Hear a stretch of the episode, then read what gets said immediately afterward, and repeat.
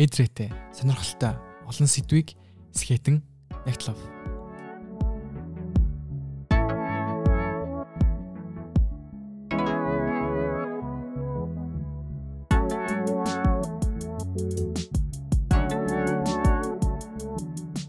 Саяхан дэлхийн инх тайвны бэлэг тэмдэг болсон зуны олимпийн наадам амжилттай өндөрлөж улмаар эдгээр өдрүүдэд паралимпийн наадам үргэлжилж дэлхийн инх тайван нэгдмэл байдлыг сануулсан өдөр хоногуд өнгөрч буйч гисэн 8 дугаар сар гарсаар Аз ТV-ийн төлөөлөл болох Афганистан улсад инх тайван байдал алдагдж эмх замраагүй байдал үргэлжилсэн өдрүүд хөрнөж байна. Америк нэгдсэн улсын ерөнхийлөгч Жо Байден эцэргээ эргүүлэн татах шийдвэртэй давхцсан Афганистаны эзлэн төрөмгийлэгч групп болох Талибан маш хурдцтай давшилт хийж хотуудыг баг багаар эзэлсээр 8 дугаар сарын 16-ны өдөр нийслэл Кабул хотыг эзэлсэн. Энэ үйл явдлын дараачаар Үүмэн самун айдас хүйц тодорхойгүй байдал маш олон хүнийг нэрвсээр байна. Энэ дунд Афганистан улсын 48 сая гаруй иргэд гадаадаас орсон сэтгүүлч элчин сайдын яамдууд тэр тусмаа хүүхэд болон эмэгтэйчүүд хамгийн их түшүүртэй эдгээр өдрүүдийг өнгөрүүлж байна. Сонсогчдын харсанчлан Капул хотоос хөөх онгоцонд сууж дөрөх хүсэлтэй олон мянган хүмүүс ай сандралтаж хэрхэн амиа аврах вэ гэж хичээж байгааг Лон улсын мэдээллийн их сурвалжууд өдөр болгон а бүхний харсанчлан онгоцон суух гад бүр онгоцны дээр нь гараа тийм онгоцоосоо унжаагаа бусдаа дүр зургаа басна. Үүнтэй холбогдуулан иргэдээ Афганистанаас гарах ажиллагаа хийх гэж хичээж байгаа улс орнууд маш их сандралтаж байгаа. 8 дугаар сарын 26-ны өдрийн байдлаар 1500 орчим Америкийн Америкийн нэгдсэн улсын тус улсаас буцаж эх орондоо ирэхийг хэж байгаа бөгөөд тэр хүмүүсийн 9 энд авчрахын тулд ерөнхийлөгч Джо Байден хичмтэй ажиллаж байгаа гэдэг нийтэд мэдгдсэн байгаа. Гэвч Кабул хотын бүхэлд нь үдирдэж байгаа талибанчууд гүд даалгарыг хөндрөл учруулж байгаа. Америкийн нэгдсэн улс банчуудын тохиролцоонд хүрч харин дуусарын 31 гэхэд зэрэг болон иргэдээ татна гэсэн төлөвлөгөө бол гарсан байгаа.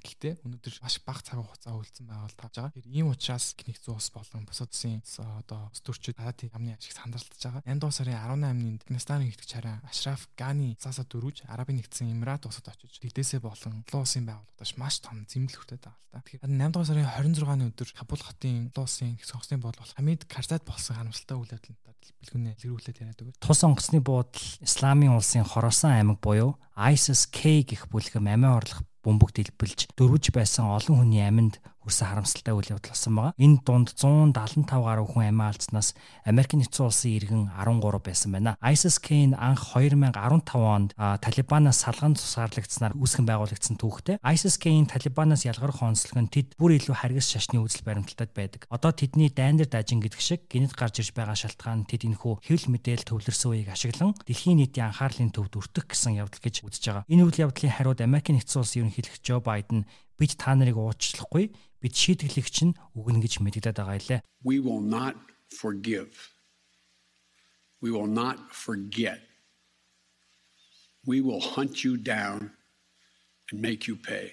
Тэгвэл ёроглоо ISIS-K бүлэглэлийн тэргүүн зорилго ер нь яагаад энэ халдлагыг хийсэн болоо? Зорилго нь болохоор ерөнхийдөө Ислам улсын нөлөө хамрах хүрээг төв ба өмнөд Аз руу тэлэхэд байгаа. Тэр өөрсдөө хамгийн хүчрхэг чхаад үлдэгчд буй ариун дайны хийгчид болох зорилготой гэж хэлдэг. ISIS-K бүлэглэл нь байдлаа зарлан тунхаглаж харуулахын тулд Афганистаны цөөхөл бол хазаарчууд болон сихчүүд үрд чиглэсэн дайралтуудыг бусад жихад бүлэглэлүүдтэй хамтран үлдэж байсан түүхтэй. Талибанчуудын хувьд Афганистаны газар нут өөрсдийн зарад засаглалыг тогтоох хүсэлтэй бол ISIS-гийн хувьд Афганистан, Пакистан бус цаашлаа төв өмнөд Исламын улсын хэрэгшээлд оролцоотой байгаа болохоор бүлгийн хоорондох зөрчилтэй молон гэж үсэт байгаа л та. За 2001 онд 9 дугаар сарын 11-ний харамсалтай үйл явдлаас хойш Америк нэгдсэн улсын ерөнхийлөгч Жорж Бушийн засгийн газар Осама бин Ладенгаар тэргүүлсэн Аль-Каида бүлэглэлийг шахан гаргах зорилготой Афганистаны дайныг бол зарлж байсан.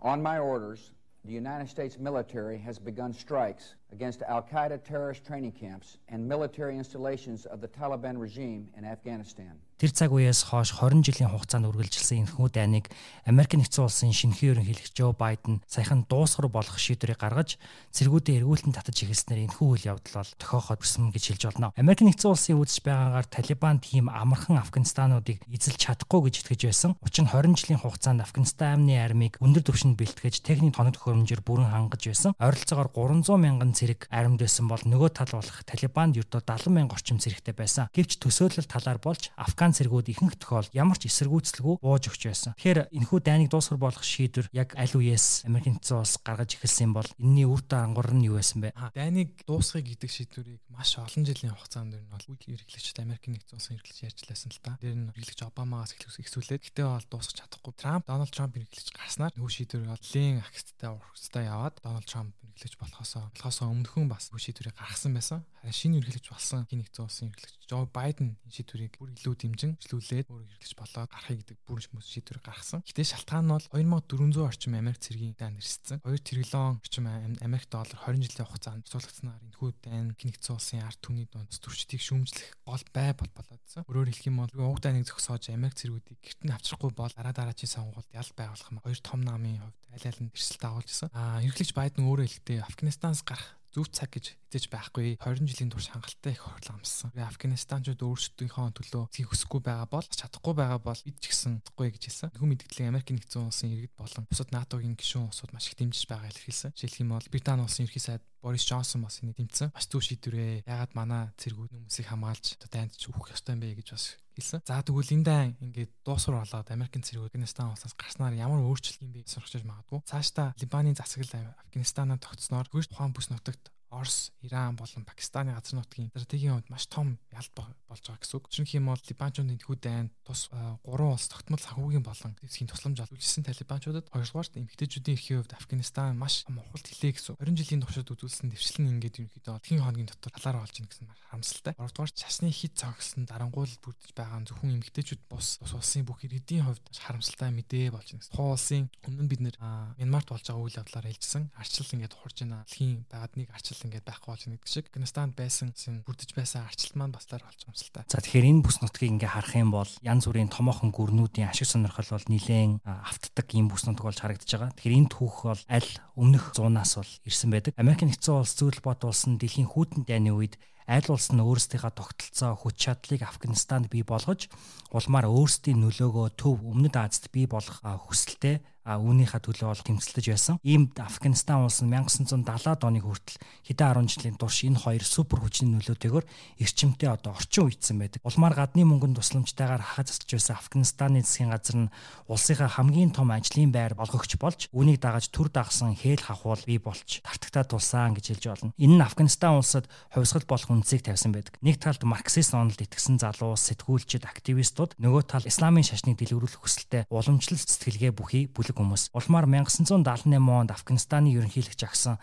Давууд хааныг цэргийн хүчээр буулган авч бүгд найрамдах Афганистан ард улс байгуулагдсан байдаг. Энэхүү шин зүүн төвийн төвтэй засаглал нь исламчууд болон бусад сөрөг хүчнүүдийг эрчимтэй эсэргүүцэж байсан тул Америк нэгдсэн улс үүнийг боломж гэж харж исламын бүлэглэлүүдэд мөнгө санхүүгээр дэмжиж одоо эхэлсэн байдаг. За ингэснээр исламын бүлэглэлүүд болон шин засгийн газарт дарлуулсан, хилмигдсэн зүүнний үзэлтэй хүмүүс хамтдаа нийлж Мужахадын гэдэг эсэргүүцлийн хөдөлгөөнийг бол эхлүүлсэн байдаг. Улмаар зүйл Хөлбот улс 1979 онд Афганистан руу цэргээ оруулж Америк нэгдсэн улсын дэмжлэгтэй хүчийг сүрэх гэсэн нь Америк нэгдсэн улс бүр улам санхүүжилттэй нэм хөшүүргийг бол бий болгосон. Ийхүү зөвлөл бод улс Америк нэгдсэн улс гэдэг хоёр супер хүчээр санхүүжигдсэн дайм маань 10 жилийн турш үргэлжилж 1989 он зөвлөл бод улс олон улсын байгууллагуудын зэмлэл хүртснээр мөн угаасаа зөвлөл бод улс нурхтаа зэрэгцэн цэргээ татаж 3 жилийн дотор засаг бол нурж унсан байдаг. Дайсангүй болсон мужихадын бүлэглэлүүд цэргийн дарангуйлагчд болж хувирч зэвсэглсэн группүүд болж хувирсан. А энэ нь болохоор өөр хоорондоо сүргэлдэж тухайн бүс нутагт буюу Афганистанд бол эмх замраагүй байдлыг бол бий болгож эхэлсэн байдаг. За эдгээр одоо мужихадын удирдагчдын нэг болох Муллах Мухаммед Амар гэдэг хүн Пакистанд байдаг Афганистаны дөрвөгчдийг нэгтгэж Талибан бүлэглэлийг бол байгуулсан байдаг.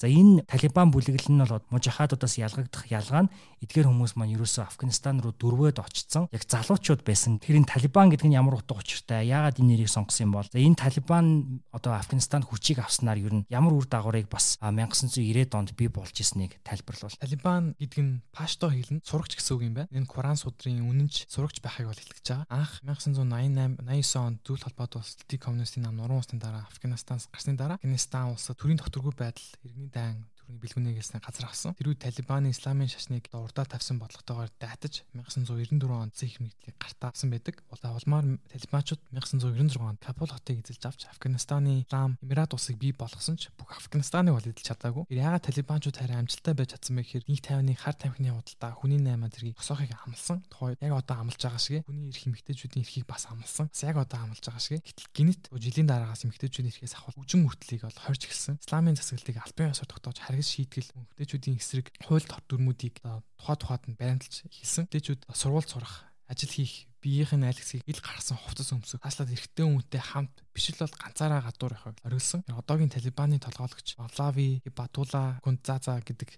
60 настай ирхэн бол 2000 16 оноос хойш Албанчуудыг удирдаад ингээд одоогийн байдлаар Афганистаныг бүр мөсөн эзлээд энэ үйл явдал болоод явж байна. Тэр түүх давтагддаг гэдэг тэгвэл энэ түүх болон одоогийн болбоо үйл явдал ямар төсөөтэй байгааг гэтлүү зөвж байгаа та бүхэн бас бодоод үзээрэй. За энэ подкастынхаа төгсгөл хэдэн жилийн өмнө Монголд сурах солилцоогоор суралцж байсан хазар монголчуудын нэг ярилцлагын хэсгүүдээс та бүхэндээ хүргэе. Энэ ярилцлаганаас та бүхэн маань энэ хазар хүмүүст Афганистанд байгаа хүмүүст эрхчлөө, их тайван байдал гэдгийг ямар чухал болохыг магадгүй анзаарах байхаа гэж итгэж байна.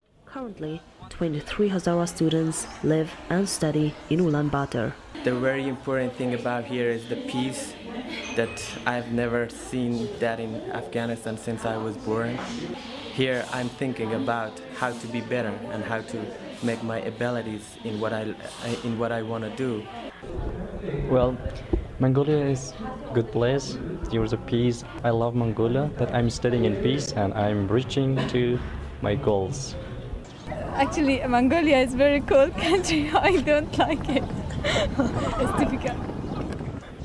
Actually, the best part for me living in Mongolia is uh, because Mongolia is very safe and I feel safe here. There is no war, there is no bomb, yeah, explosion, and every, uh, it's very good. Before I thought it was just I live in a box, in a small box when I was in Afghanistan. But when I come here, make much more opportunity to make relationship with other people, to have more freedom here. And yeah. Та Сэхэт медиагийн Ягтлаг подкастыг хүлээн авч сонслоо. Энэ дугаарын мэдээг хөтлөгч Бэлгүн Оргил нар нягтлж саунд инженер дээр буяа ажиллав.